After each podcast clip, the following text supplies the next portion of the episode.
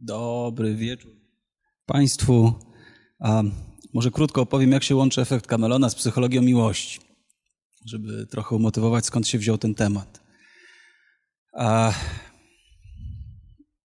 już sporo lat temu, jak jeszcze studiowałem, mój brat powiedział mi kiedyś coś takiego, starszy brat, wiesz co Wojtek, ja się ożenię z taką kobietą, która będzie miała cosia. Ja sobie pomyślałem, że ja wiem, o czym on mówi ale włączył, ja już wtedy kończyłem psychologię społeczną, studiowałem tak w trochę innym trybie, że psychologię społeczną mieliśmy wałkowaną od samego pierwszego roku przez kilka zdrowych lat, więc już na trzecim czy czwartym roku byłem naprawdę nieźle oblatany z tej psychologii społecznej. E, I sobie pomyślałem, że oprócz tego, że ja wiem, o czym on mówi, tak czuję, to czy ja na pewno wiem, jaka teoria mówi o tym, żeby nadawać na tej samej fali.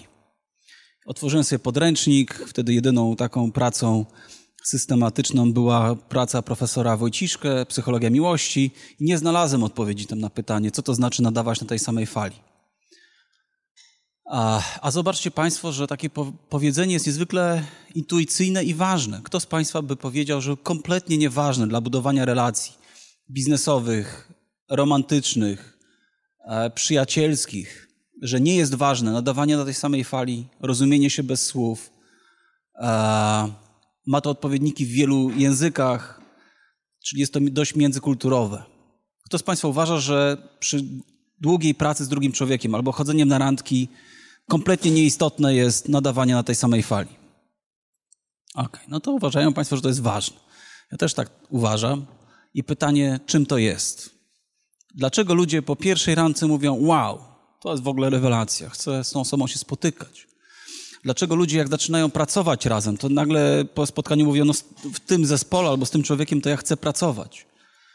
A, więc zacząłem szukać odpowiedzi i znalazłem właśnie w badaniach nad mimikrą. No ale mimikra to nie jest jedyna dziedzina. W ogóle musiałem sporo zacząć czytać i badać fenomen psychologii miłości. Ta dziedzina mówi najwięcej o tym, dlaczego kogoś lubimy, dlaczego kogoś nie lubimy. Teraz przejdę do seksu, a potem do starego seksu. Takim moim konikiem jest łączenie dziedzin. Wychodzenie, z, ja jestem psychologiem społecznym, wychodzenie z jednej dziedziny, pokazywanie, że to jest takie podejście holistyczne, że nie da się zrozumieć społecznego zachowania człowieka bez rozumienia na przykład jego kultury, psychologia międzykulturowa, genów, psychologia ewolucyjna, antropologii, jak inne kultury podchodzą do różnych spraw. No i kwestia e, seksu. Jak postaram się Państwu wykazać, zachowania seksualne, satysfakcja seksualna jest jednym z najważniejszych jakości życia bliskich związków. Przepraszam, będę jadł cukierki, to akurat nic z seksem ani z psychologią miłości nie ma wspólnego i czasem popijał, ale ja mam dość słabe gardło. Jak dłuższy czas mówię, a nie będę się wspomagał, to ochrypnę i przestanę mówić. Więc ten wykład ma opowiedzieć Państwu o fenomenie starego seksu, seksu osób mocno starszych od nas. Czy oni jeszcze uprawiają seks? Czy im to wypada? W ogóle po co nam seks? Oprócz tego, że możemy mieć jakieś własne przemyślenia czy doświadczenia. Po co ludziom seks? Najczęściej mówi się o takiej funkcji, na przykład Kościół katolicki o tym mówi, że jak ludzie wstępują w związek małżeński, to ich podstawowym celem jest prokreacja. W ogóle do tego służy seks, żeby były z tego dzieci. Nowsza doktryna Kościoła to bardzo rozszerzyła, że to też ma służyć miłości, że to jest wyraz miłości. Jeżeli uprawiam seks z żoną, e, nie będzie z tego dzieci, ale darzymy się miłością. Co by Państwo do tego dodali? Jakie jeszcze, po co jeszcze ludzie uprawiają seks, oprócz tego, żeby się rozmnażać? Mówi o stałych związkach. E, wy, wykluczmy e, na przykład jednorazowe. Tak? Po co jeszcze ludzie uprawiają seks? Dla przyjemności. To jest bardzo ważny wniosek. Kiedy jest nam przyjemnie, jest nam dobrze, to na przykład wyrośnie nam tolerancja na ból. Kiedy jest nam dobrze z drugą osobą, wydzielają się takie substancje, które są odpowiedzialne za przywiązanie. Przykład. Mm, jest taka substancja, której właśnie nie mogę sobie przypomnieć nazwę.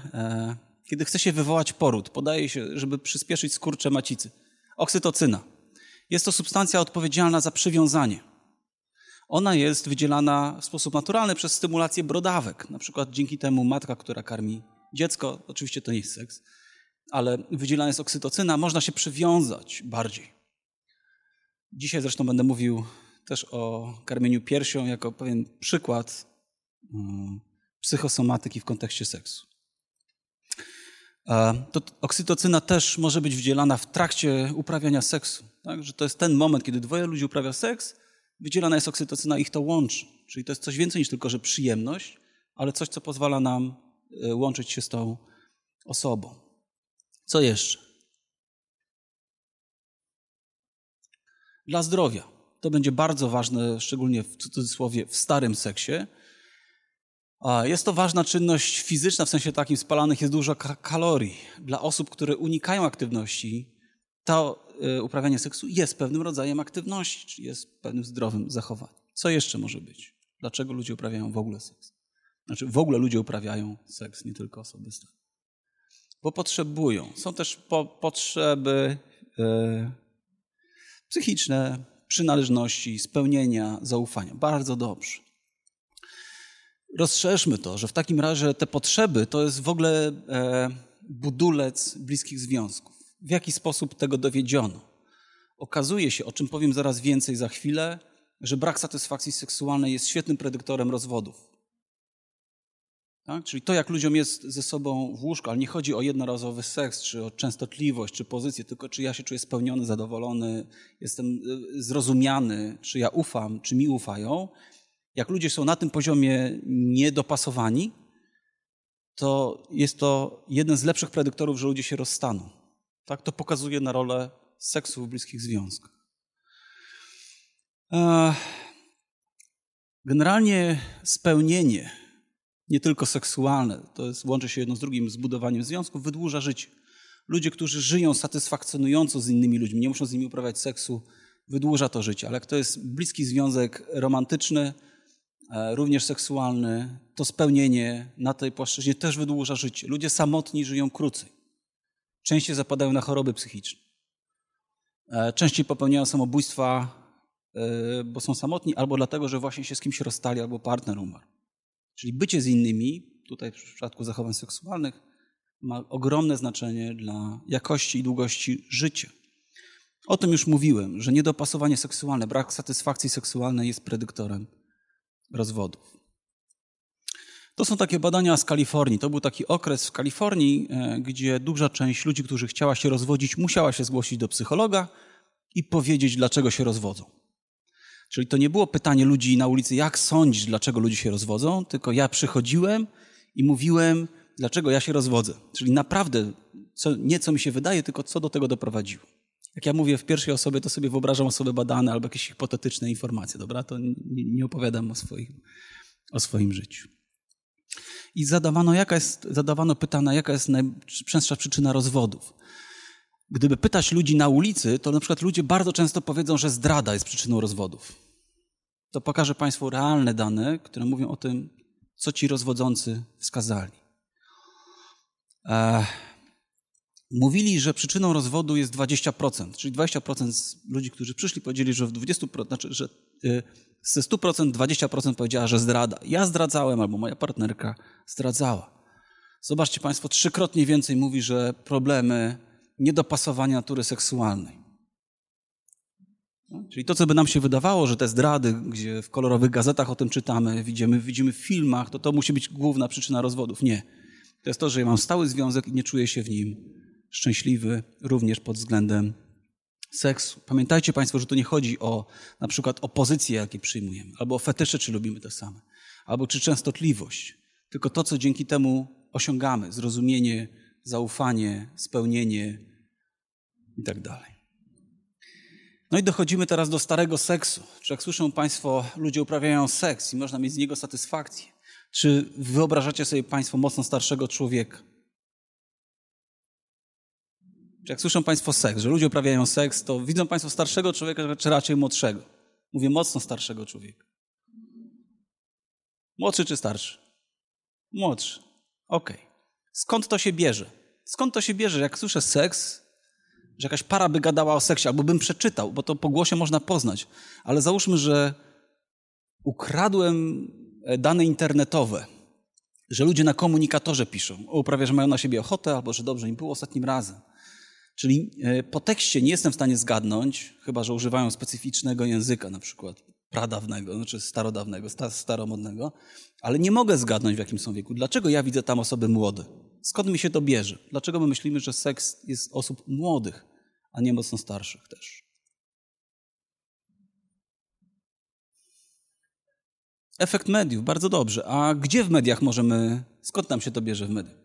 Okej, okay, reklamy, zobaczcie Państwo, od reklam na potencję, tak? Załóżmy, że mam zaburzenia erekcji i reklamy, w których tam mężczyźni występują, to są stosunkowo młodzi mężczyźni. Nie bardzo młodzi, bo problemy z erekcją trochę następują później, ale to nie jest stary człowiek na pewno. Na pewno on jest pełen życia, wysportowany. Gdzie jeszcze poza reklamami występuje kult młodości? Gdzie? Pornografia, bardzo dobrze, ale też w ogóle w filmach. Tak? Że jeżeli oglądamy filmy i jest seks, jest romantyczny seks, to to są ludzie w miarę młodzi.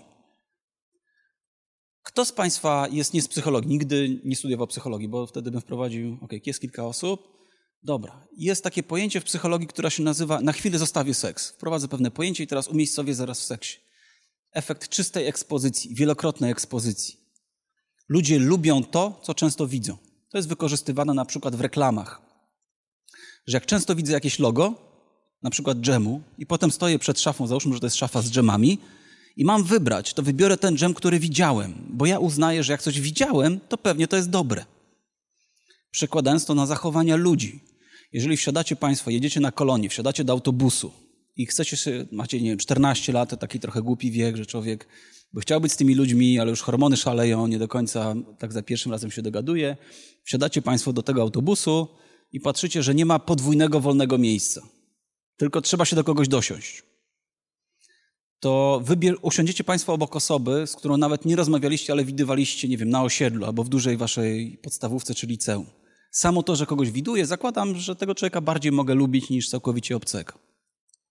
Jak zaczynali Państwo kiedykolwiek studia, to może się okazać, o, że widzę kogoś znajomego, mimo że z nim nie, nie rozmawiałem, ale to on jest mi dużo bliższy. To jeżeli oglądamy telewizję, oglądamy seriale czy filmy i widzę, że głównie młodzi ludzie uprawiają seks, to ja też się tego uczę, że to jest zachowanie popularne.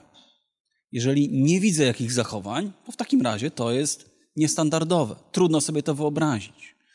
Zobaczcie Państwo, że to jest w filmie Miś. Jakie lubię? Chyba to było albo o piosenkach, albo o filmach. Jakie lubi filmy? Które znam. To jest właśnie efekt ekspozycji. Czyli jak ja mam sobie wyobrazić, to sobie wyobrażam to, co znam. Jak oglądam cały czas filmy, nawet jako osoba starsza też, to też jest ten sam efekt, bez efekt porównań. To ja sobie w którymś momencie myślę, że no, jak ja już jestem w tym wieku, no to przecież no, ludzie już w tym wieku nie uprawiają seksu. Jest kult młodości. Gdzie jeszcze jest w mediach kult młodości? Oprócz reklam, filmów pornograficznych albo nawet niepornograficznych. Gdzie jeszcze widzimy, mamy epatowanie młodością? Mhm. Wszędzie praktycznie ci ludzie są młodzi. Polecam Państwu następujące ćwiczenie. Włączcie sobie wiadomości, dowolne, jakie chcecie, e, telewizyjne i zobaczcie, jak wyglądają prezenterzy. Oni są stosunkowo młodzi. Na pewno bardzo dobrze ubrani, bardzo dobrze zadbani. Nie muszą być piękni w sensie atrakcyjności, że są z urodzenia piękni, ale są bardzo dobrze, dobrze wyglądają. Ale nie są młodzi. Włączcie Państwo, nawet jak nie znacie dobrze angielskiego, włączcie sobie wiadomości, to na YouTubie można wpisać, wiadomości amerykańskie. Tam z kolei prezenterzy mają po 70 lat. Też dobrze wyglądają, tak? Ale to jest ten efekt ekspozycji, jak jest kult młodości. Że jak ja mam powiedzmy 70 lat i widzę cały czas młodych ludzi, to sobie myślę, no świat należy do młodych. Ja już nie jestem w tym wieku. Czyli włączcie telewizję Państwo i zobaczcie, że głównie prezenterzy, gwiazdy estrady, jest niewiele przypadków osób starszych. Maryla Rodowicz, Beata Kozidrak, tak? czyli które są od lat na scenie. Ale większość, jak Państwo włączcie radio i posłuchajcie, kto śpiewa, to śpiewają ludzie też młodzi. Jak potem ich sobie wygooglacie, to są ludzie młodzi. Ameryka, wiele lat, Tina Turner już zeszła ze sceny, tak? ale ona nagrywała wielkie hity w wieku 60 paru lat, kiedy już była babcią. I to jest jednak ekspozycja. A zobaczcie Państwo, kto rozmawia w ogóle o seksie w telewizji. Raczej ludzie młodzi. A, a teraz odwróćmy. Na chwilę zostawmy seks. I zostawmy w ogóle telewizję. W jaki sposób my się zwracamy do osób starych? Czyli załóżmy, że ja teraz jestem stary, siedzę na korytarzu, macie Państwo do mnie podejść i powiedzieć, ale tam już się zaczął wykład, a Pan chyba miał iść na wykład. Per Pan, Pani, ok, ale to do obcych się tak zwracamy. Słucham? Tak, troszeczkę takiego politowania. Na przykład, proszę pana, halo, halo. Podniesiemy głos na przykład, bo na przykład do pana to bym powiedział, proszę pana, wykład się zaczął. A teraz pan jest stary. Proszę pana, halo, jak się pan. Wykładzik się zaczął. Myślimy, że osoba mocno starsza ma na przykład problemy ze słuchem. Podnosimy głos i zdrabniamy imiona. Panie Krzysiu, jak pan, Krzyś? Pan mówi Krzysztof. Panie Krzysiu, tak? Teraz bym do pana, panie Krzysiu nie powiedział, tylko panie Krzysztofie na przykład. Więc w ogóle mamy coś takiego, że z osobami mocno starszymi zaczynamy ich w ogóle nie traktować jak e, osób dojrzałych, ale normalnie funkcjonujących. Mówimy dużymi literami, na przykład proszę pana. Ale dlaczego pan tak do mnie mówi? Ja dobrze słyszę. I zdrabniając imiona. Więc zaczynamy przechodzić, łącząc te wszystkie rzeczy, do seksualności osób starszych, seksu osób starszych. W naszej kulturze siłą tych wszystkich rzeczy e, osoba mocno starsza traci płeć. Zobaczcie Państwo, że jak patrzymy na osobę, ja zaraz powiem granicę 75 lat, czyli osoba w Polsce, która ma 75 lat, to to jest dziadek albo babcia. Ale nie myślę, że to jest dziadek, który uprawia seks. Albo że to może być wysportowany człowiek, albo że to może być babcia, która ma swoje potrzeby seksualne. Jeszcze dalej, ja przestaję myśleć jako o kobiecie i mężczyźnie. Bo to jest babcia i dziadek, to nie jest kobieta i mężczyzna. Znaczy wiem, że babcia jest kobietą, tak? No nie o to chodzi, że sobie to nie wyobrażam. Ale na przykład jak jeszcze myślę o moich rodzicach, no to częściej widzę u nich, że to jest mężczyzna i kobieta. Osoba mocno starsza przestaje być seksualna, znaczy traci płeć. W konsekwencji jest to, że jak oni nie mają płci, to już tym bardziej nie uprawiają seksu, albo w ogóle nie mają takich potrzeb. Zobaczcie Państwo, że w naszej kulturze w ogóle rozmawianie o masturbacji, o spełnieniu, no jest wstydliwe. Ale wyobrażacie sobie Państwo, że podsłuchujecie, jak jadą dwie osoby starsze e, i o tym rozmawiają? Nie, że to nie przystoi tym ludziom. To jest właśnie ta konsekwencja. To jest nieprzyzwoite. Albo załóżmy, że czytacie na komunikatorze właśnie, że kobieta pisze do mężczyzny o ostatnim seksie, którzy uprawiali i odkrywacie, że oni mają 75 lat. To jest, ej, no co jest? To są konsekwencje tych wszystkich rzeczy, które nabywamy też z telewizji, jak jesteśmy wychowywani, że nie jesteśmy przywykli, przywykli do rozmawiania na przykład o seksie. A, dobra, to skąd się biorą te wzorce kulturowe? Moje pokolenie inaczej patrzy na babcię i dziadka. A, zobaczcie Państwo, że w naszej kulturze, jak się mówi, że ktoś jest babcią, na przykład jak jest ubrana babcia? Ostatnio poznałem takie nowe określenie buty na słonince. To jest taki but z takim... Babcia ma buty na słonince, czy ma obcasy? Buty na słonince. Ma fajnie dobrany strój, czy chodzi w takim szerokim sweterku zapinanym tutaj i w berecie? No raczej w sweterku. Zobaczcie Państwo, to jest, są stereotypy, czyli jak ja to są, w psychologii to nazywa taką kategorią. Słyszę babcia i widzę, kto to jest, albo dziadek. To jest taki siwy człowiek, który trochę powoli chodzi, tak, on sobie w szachy może pograć, na działce posiedzieć, ale nie jest na przykład mężczyzną, który jest elegancko ubrany, bryluje w towarzystwie albo świetnie potrafi tańczyć. Na przykład, czy ta osoba pracuje? W naszej kulturze, jak się mówi babcia, to już nie pracuje. Dziadek to samo. W ogóle czym się zajmuje babcia najczęściej?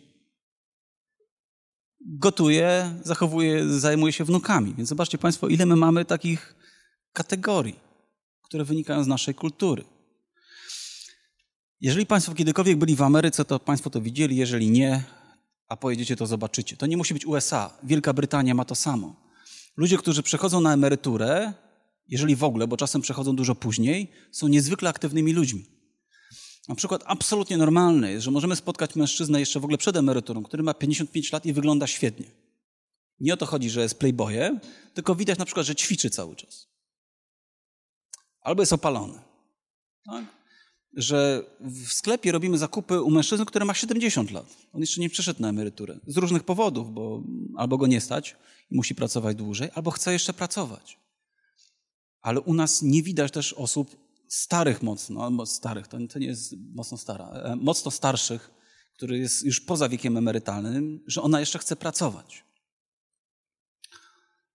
A konsekwencją tego jest to, że na przykład po 60 to już nam się wydaje, że człowiek nie jest atrakcyjny. Może być nieatrakcyjny dla osoby, która ma 20 lat.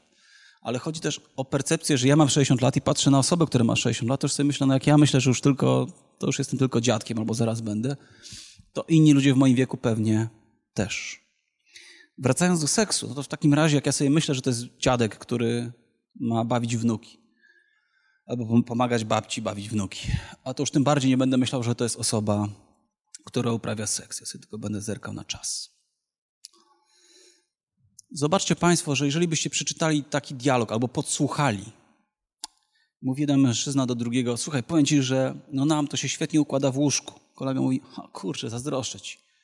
Bo u nas to tak nie, nie za bardzo. Nie martw się.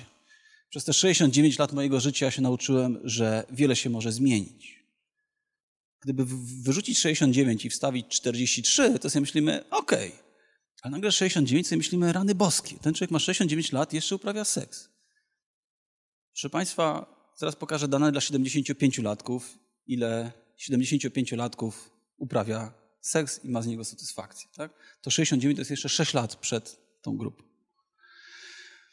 Michalina Wisłocka, część z Państwa ją pewnie zna, to jest jeden z takich e, pierwszych osób w Polsce, która w sposób też popularny zaczęła mówić o.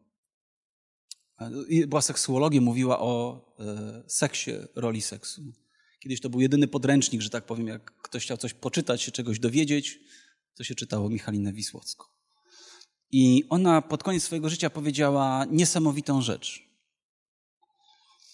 Ona powiedziała tyle. Ta późna miłość interesuje mnie teraz najbardziej. To wspaniały czas, wspaniały czas, gdy człowiekowi do szczęścia potrzebne jest jak w niemowlęctwie przytulanie, głaskanie, czułe gesty i pocałunki. Zobaczcie Państwo, że to wszystko się na ogół łączy z seksem. Człowiek starszy spragniony jest miłości nie mniej niż niemowlęta czy maluchy. Pragnienie ciepła, dobrego słowa, trzymania za rękę nastawiony jest ten człowiek na czułość, dotyk, przyjazny uśmiech, pocałunek w policzek. Wyzwala to w nim endorfiny. Coś, to coś, co nam daje szczęście. I teraz czytając te słowa sobie wyobraźcie Państwo, że widzicie dwie osoby już w podeszłym wieku, które się idą i trzymają za rękę. To sobie myślimy, o, fajnie. Ale jak się całują, to już e. Dlaczego? Ta potrzeba przytulania, głaskania jest absolutnie fundamentalna. Na chwilę zostawię stary seks i opowiem o roli przytulania i głaskania i niemowlęctwie. Od mniej więcej XVIII wieku wtedy zakonnicy, którzy prowadzili domy, e, byśmy powiedzieli domy dziecka, no ale to jeżeli ktokolwiek z Państwa oglądał film e, Pachnidło, to tam jest taka scena, jak, jak wyglądały te domy. To były umieralnie, znaczy, jak ktoś, znaczy tam było ciepło, karmiono, ale te dzieci jakoś umierały. E, e, od mniej więcej XVIII wieku obserwowano dziwne rzeczy, że jak ktoś tam trafia, to zaraz umiera. Dlaczego? Przecież temu człowiekowi jest ciepło, temu małemu człowiekowi. Daje, da się, daje mu się jeść. Tam w Pachnidle są straszne sceny, tam próba morderstwa. No ale załóżmy, że tego nie ma. Dlaczego ludzie tak wcześnie umierają? Tak jest, bo tam się ich nie przytula. Mija jakieś 120-130 lat, początek XX wieku i takie badania się prowadzi w szpitalach pediatrycznych.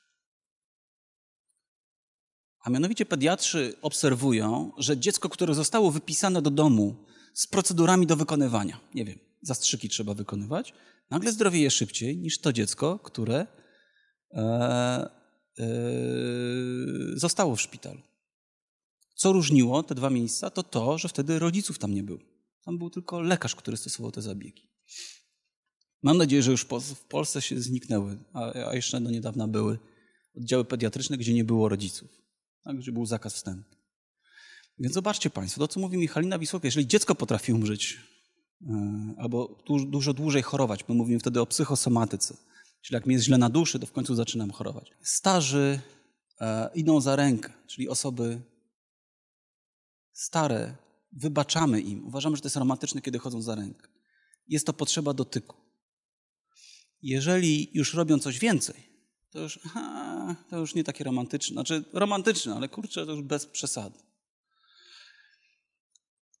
A jak widzicie Państwo starszego pana, który tak dyskretnie, bo dyskretnie, ale kupuje prezerwatywy, albo stoi kobieta przed um, jakąś tam małą gablotką z lubrykantami, kupuje lubrykant, nie? Tak stoi młoda, to jest takie, mm, mm, trochę się uśmiechamy, tak? Ale jak to są osoby mocno starsze, to sobie myślimy, że to nie wypada. No to pytanie, bo może oni nie potrzebują. Eee, może oni nie potrzebują tego w takim razie, żeby e, nie, nie, potrzebują seksu, więc nie kupują. Ok, dane z USA. E, trzy czwarte osób w wieku 75 lat uprawia seks. Nie 10%, trzy czwarte. 75 lat. Tak, jeżeli w Polsce myślimy, że się przychodzi na, emeryturę w wieku 60 lat kobiety, to jeszcze 15 lat potem te kobiety uprawiają seks. Trzy czwarte z nich. No to troszeczkę się różni, jak tam, bo to jest uśrednione dla kobiet i mężczyzn. Ludzie uprawiają seks, kiedy są w miarę zdrowi i mają wyższe wykształcenie. Tu podkreślam wyższe wykształcenie, jesteśmy na akademii, na, na uniwersytecie. Zobaczcie Państwo, połowa seniorów uprawia seks dwa do trzech razy w miesiącu. Jedna czwarta raz na tydzień. To nie jest okazjonalne, tak? To jest po prostu, wskazuje na potrzebę, chęć. Teraz połączmy rzeczy, o których już wcześniej mówiłem. Jeżeli ja mam autopercepcję, bo ja się nauczyłem z telewizji, ale też z moich dziadków, tak jak ja ich obserwowałem, że to nie wypada, to ja przestanę to robić.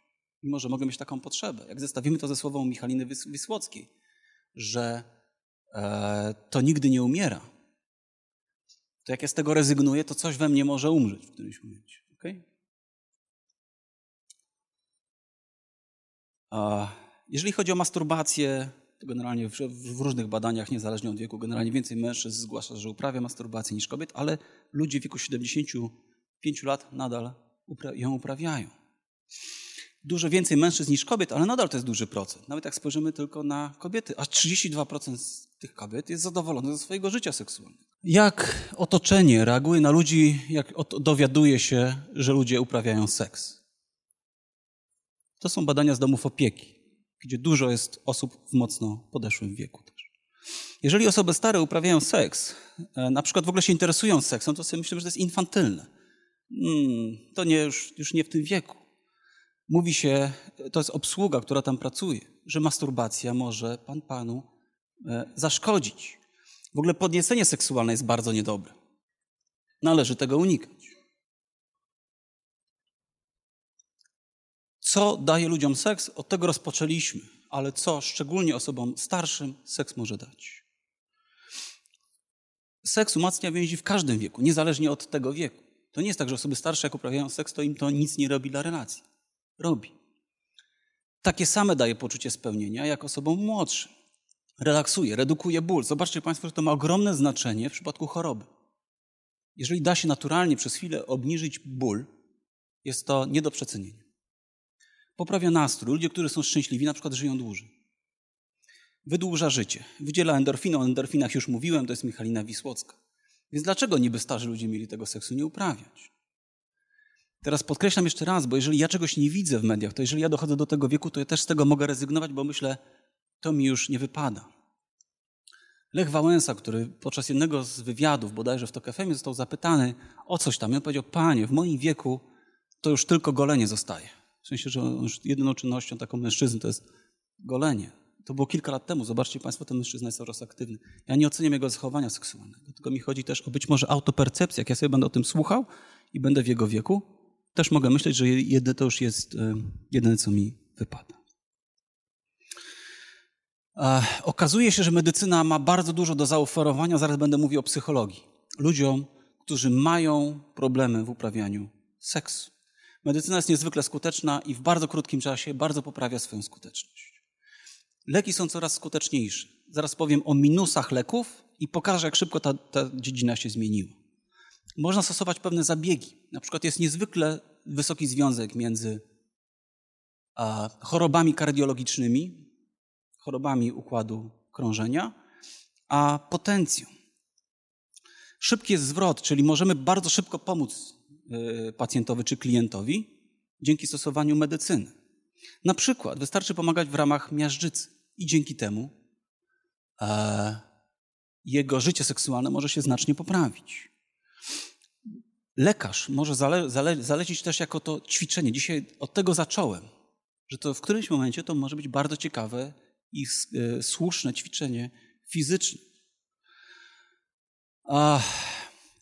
Okay. Co warto, żeby też lekarze wiedzieli, choć nie zawsze o tym wiedzą. Dzisiaj zacząłem te zajęcia, to nasze spotkanie od tego, że ja lubię podejście holistyczne w psychologii. Nie jestem lekarzem, ale zachęcam w ogóle różnych przedstawicieli różnych dziedzin, żeby patrzeć holistycznie. Że na przykład, e, jeżeli e, na przykład u kobiet e, przez spadek poziomu estrogenów wydłuża się czas potrzebny do podniecenia, to dla mnie lekarzowi, jak, jako lekarza, to jest e, ważna informacja, że to po prostu spada z wiekiem, ale to nie oznacza, że na przykład ta funkcja przestaje działać, potrzeby seksu. Porozmawiam z jej partnerem o tym jako lekarz, na przykład. E, na przykład. Konsekwencją z wiekiem jest spadek lubrykacji. Rynek lubrykantów jest ogromny, czyli możemy bardzo szybko pomóc, czyli kobieta może unikać z tego powodu, że jest spadek lubrykacji. Zastosowanie tego środka natychmiast redukuje ten problem. Tylko część kobiet o tym po prostu nie wie. A mężczyzna. Mówiłem już o miażdżycy. Miażdżyca jest chorobą, która atakuje e, układ. Więc jeżeli zacznę liczyć, e, leczyć miażdżycę, to także wydłużam temu człowiekowi okres, kiedy on może uprawiać seks. Cukrzyca ma podobne rzeczy, e, podobne skutki. Artretyzm.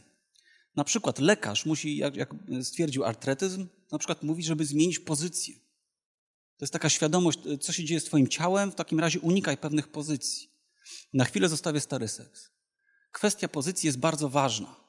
Na przykład w ramach tego, że osoby, które cierpią na bezpłodność, ale nie płodność taką, bym to nazwał już wrodzoną, czyli że już jestem bezpłodny, nic się z tym nie da zrobić, tylko że jestem na granicy gdzieś tej płodności, trochę tych zdrowych plemników mam. Na przykład lekarze właśnie mówią, że zmień pan pozycję, jak pan uprawia seks, bo wtedy jest większa szansa na zapłodnienie.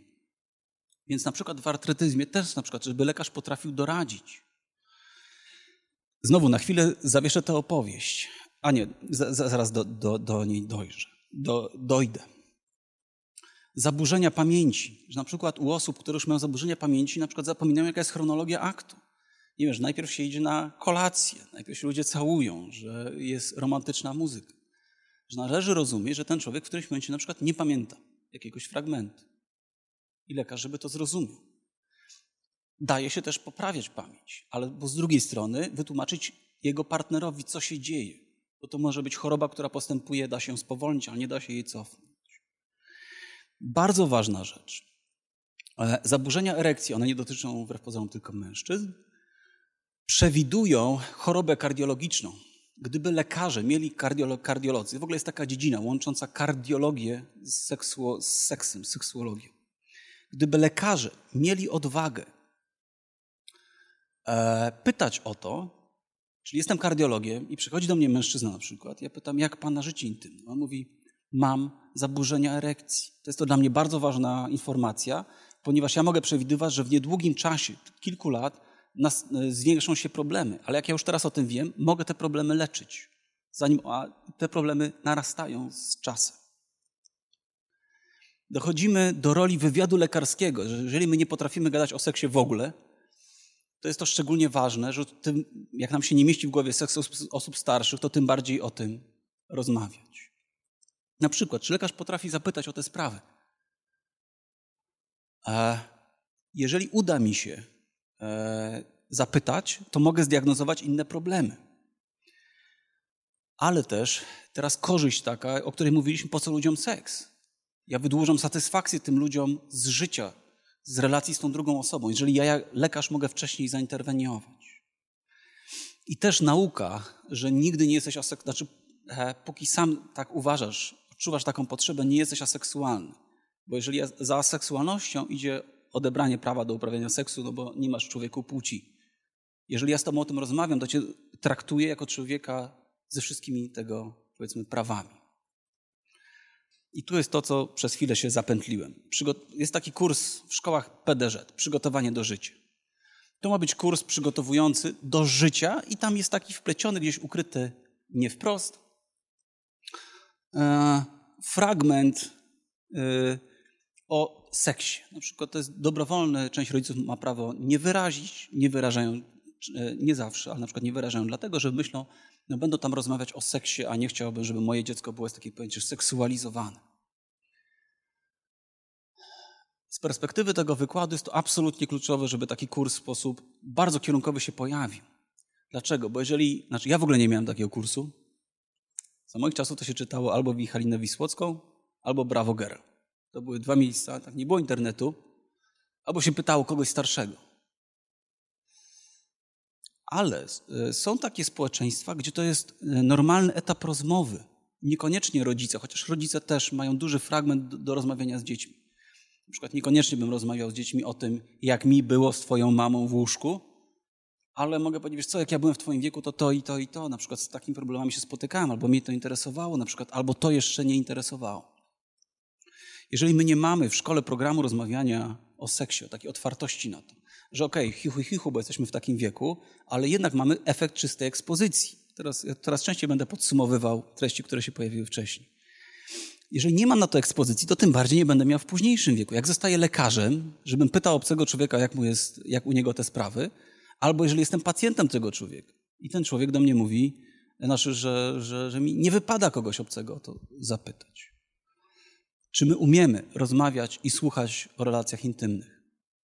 Jeżeli tak, to bardzo wydłużymy ten okres, że w Polsce zaczniemy dużo dłużej rozmawiać, będziemy mogli pomagać osobom starszym a propos seksu.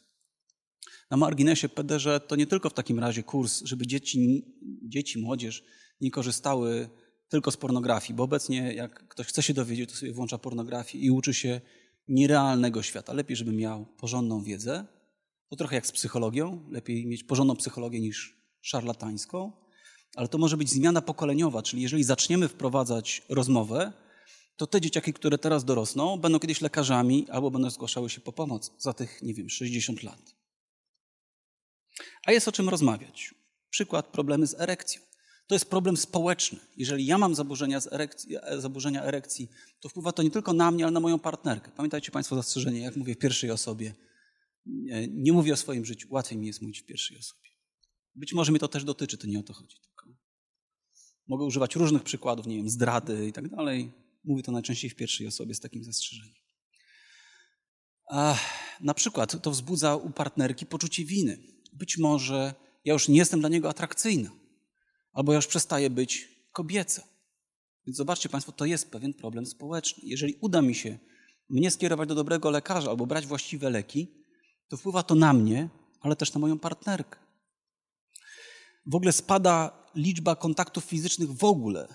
Tak? Bo jeżeli ja się uczę, że mam zaburzenia erekcji i w tym momencie, kiedy już lądujemy w łóżku, no mam tego zaburzenia, to ja na przykład zaczynam unikać przytulania i całowania, bo wiem, że to w którymś momencie może doprowadzić do łóżka, że wylądujemy w tym łóżku i ja znowu nie będę mógł, więc zaczynam tego unikać. Więc moja partnerka na przykład, wracam do myśli Michaliny Wysłockiej, brak przytulania, głaskania, jest odrzucana i nie do końca rozumie dlaczego. Przecież ja nie usiądę i nie powiem jej, słuchaj, mam problem z erekcją. Nie jestem przyzwyczajony do tego, żeby o tym rozmawiać. Jak ja lekarzowi o tym nie mówiłem, to tym bardziej nie powiem o tym żonie. A zobaczcie Państwo, że następuje epidemia zaburzeń z erekcją. Czyli obecnie 16% mężczyzn ma problemy z erekcją na świecie. W 2025 roku będzie to dwa razy więcej. Więc jak my teraz nie zaczniemy rozmawiać o seksie, to jest do 75 lat, właśnie do tej granicy, gdzie się jeszcze prowadzi badania pokazujące, że mężczyźni są bardzo aktywni seksualnie. Trzy czwarte ludzi w tym wieku.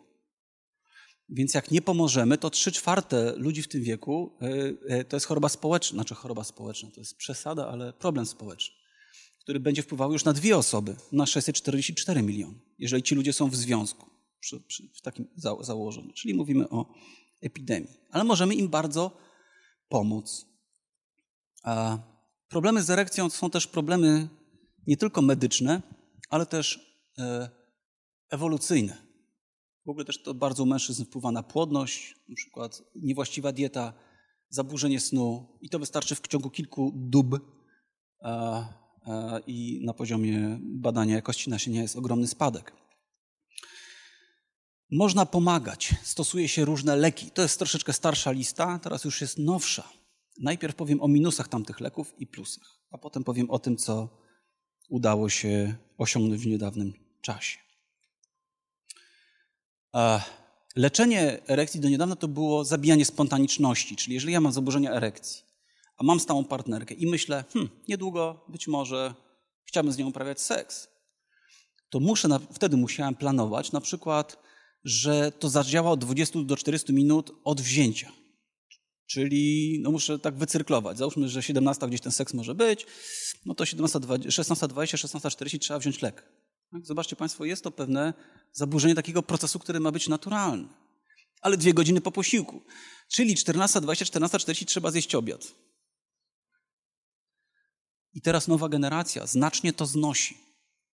Bo to są, były bardzo poważne wyjątki, które bardzo zabijały spontaniczność, czyli to trochę tak jak ludzie, którzy nie chcą sięgać po prezerwatywę, mówią, no jest tak romantycznie, nagle ktoś staje i mówi, sorry, idę po prezerwatywę, że to jest takie nienaturalne i nieprzyjemne. I chcę Państwu pokazać związek między psycho, znaczy związek psychosomatyki, czyli jeżeli ten człowiek się czuje skrępowany tym, nie to, żeby w ogóle pójść do lekarza, jak już dostaje leki, to nagle ma się strasznie koncentrować na czymś, co ma być naturalne i wypływać z pożądania, to mówiłem o laktacji dzisiaj. To jest dobry przykład, żeby sobie uzmysłowić, jaki jest związek właśnie stresu na funkcjonowanie ciała człowieka. Jeden z problemów laktacji, czyli karmienia piersią, jeżeli jestem kobietą i urodziłam dziecko, przystawiam dziecko do swojej piersi, dziecko jest głodne, mam zaburzenia laktacji, albo dziecko się źle przystawia. Przyczyny mogą być różne. Ach, to może być następujący efekt, że ja się zaczynam denerwować jako kobieta, że ja jestem niedobrą matką, coś jest ze mną nie tak. Z badań nad laktacją wynika wprost, że stres bardzo ogranicza laktację. Czyli zobaczcie Państwo, ja chcę coraz bardziej karmić, a coraz bardziej się denerwuję. To to jest trochę tak jak z lekami. Im bardziej zaczynam się denerwować a na, na szczęście się leki poprawiły. Sposobem brania, le, braniu leków, to tym bardziej będę miał zaburzenia erekcji. Jest to jeden z warunków stres wpływających na erekcję. Można go jeszcze bardziej obniżyć, nie tylko dobrymi lekami, ale że ja się czuję komfortowo rozmawiając z lekarzem. Jak wpłynąć na komfort e, człowieka? Na chwilę odejdę od uprawiania seksu, a skoncentruję się na bezpłodności. Bezpłodność jest też świetnym predyktorem rozwodów czy rozpadu bliskich związków. To nie musi być rozwód w sensie e, prawa cywilnego, tylko to, że ludzie się postanawiają rozejść. Jeżeli się oddaje e, e, nasienie do badania w ramach bezpłodności, to wyobraźcie sobie Państwo, że to jest taki gabinet podpisany badania bezpłodności i jest ławeczka, przy której się siedzi, a obok jest tam pediatria, chirurgia tak, i siedzą mężczyźni. Nie? I wszyscy, którzy przechodzą, wiedzą, dlaczego ja tam siedzę, no bo to jest napisane, dlaczego ja tu siedzę. Wchodzicie, jeżeli jesteście Państwo mężczyznami, no, macie podejrzenie albo już wiecie, że macie zaburzoną Państwo płodność i lekarz mówi, tu jest proszę probówka, proszę iść tam do pokoju, ja tu będę czekał, tak? No to idziecie Państwo do jakiegoś pokoju, który też jest drugim gabinetem, daje się na siebie drogą masturbacji, tak? Potem Państwo wychodzicie. Czyli jeżeli ja już tam jestem któryś raz i widzę, że ktoś wychodzi po 10 minutach, to prawdopodobnie oddawał nasienie. Jak wychodził po trzech, po dwóch, to pewnie już tylko wyniki obgadywał.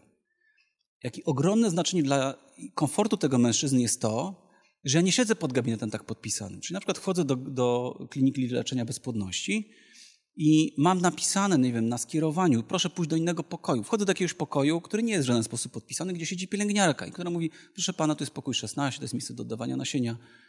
E, ma pan tyle czasu, ile pan potrzebuje?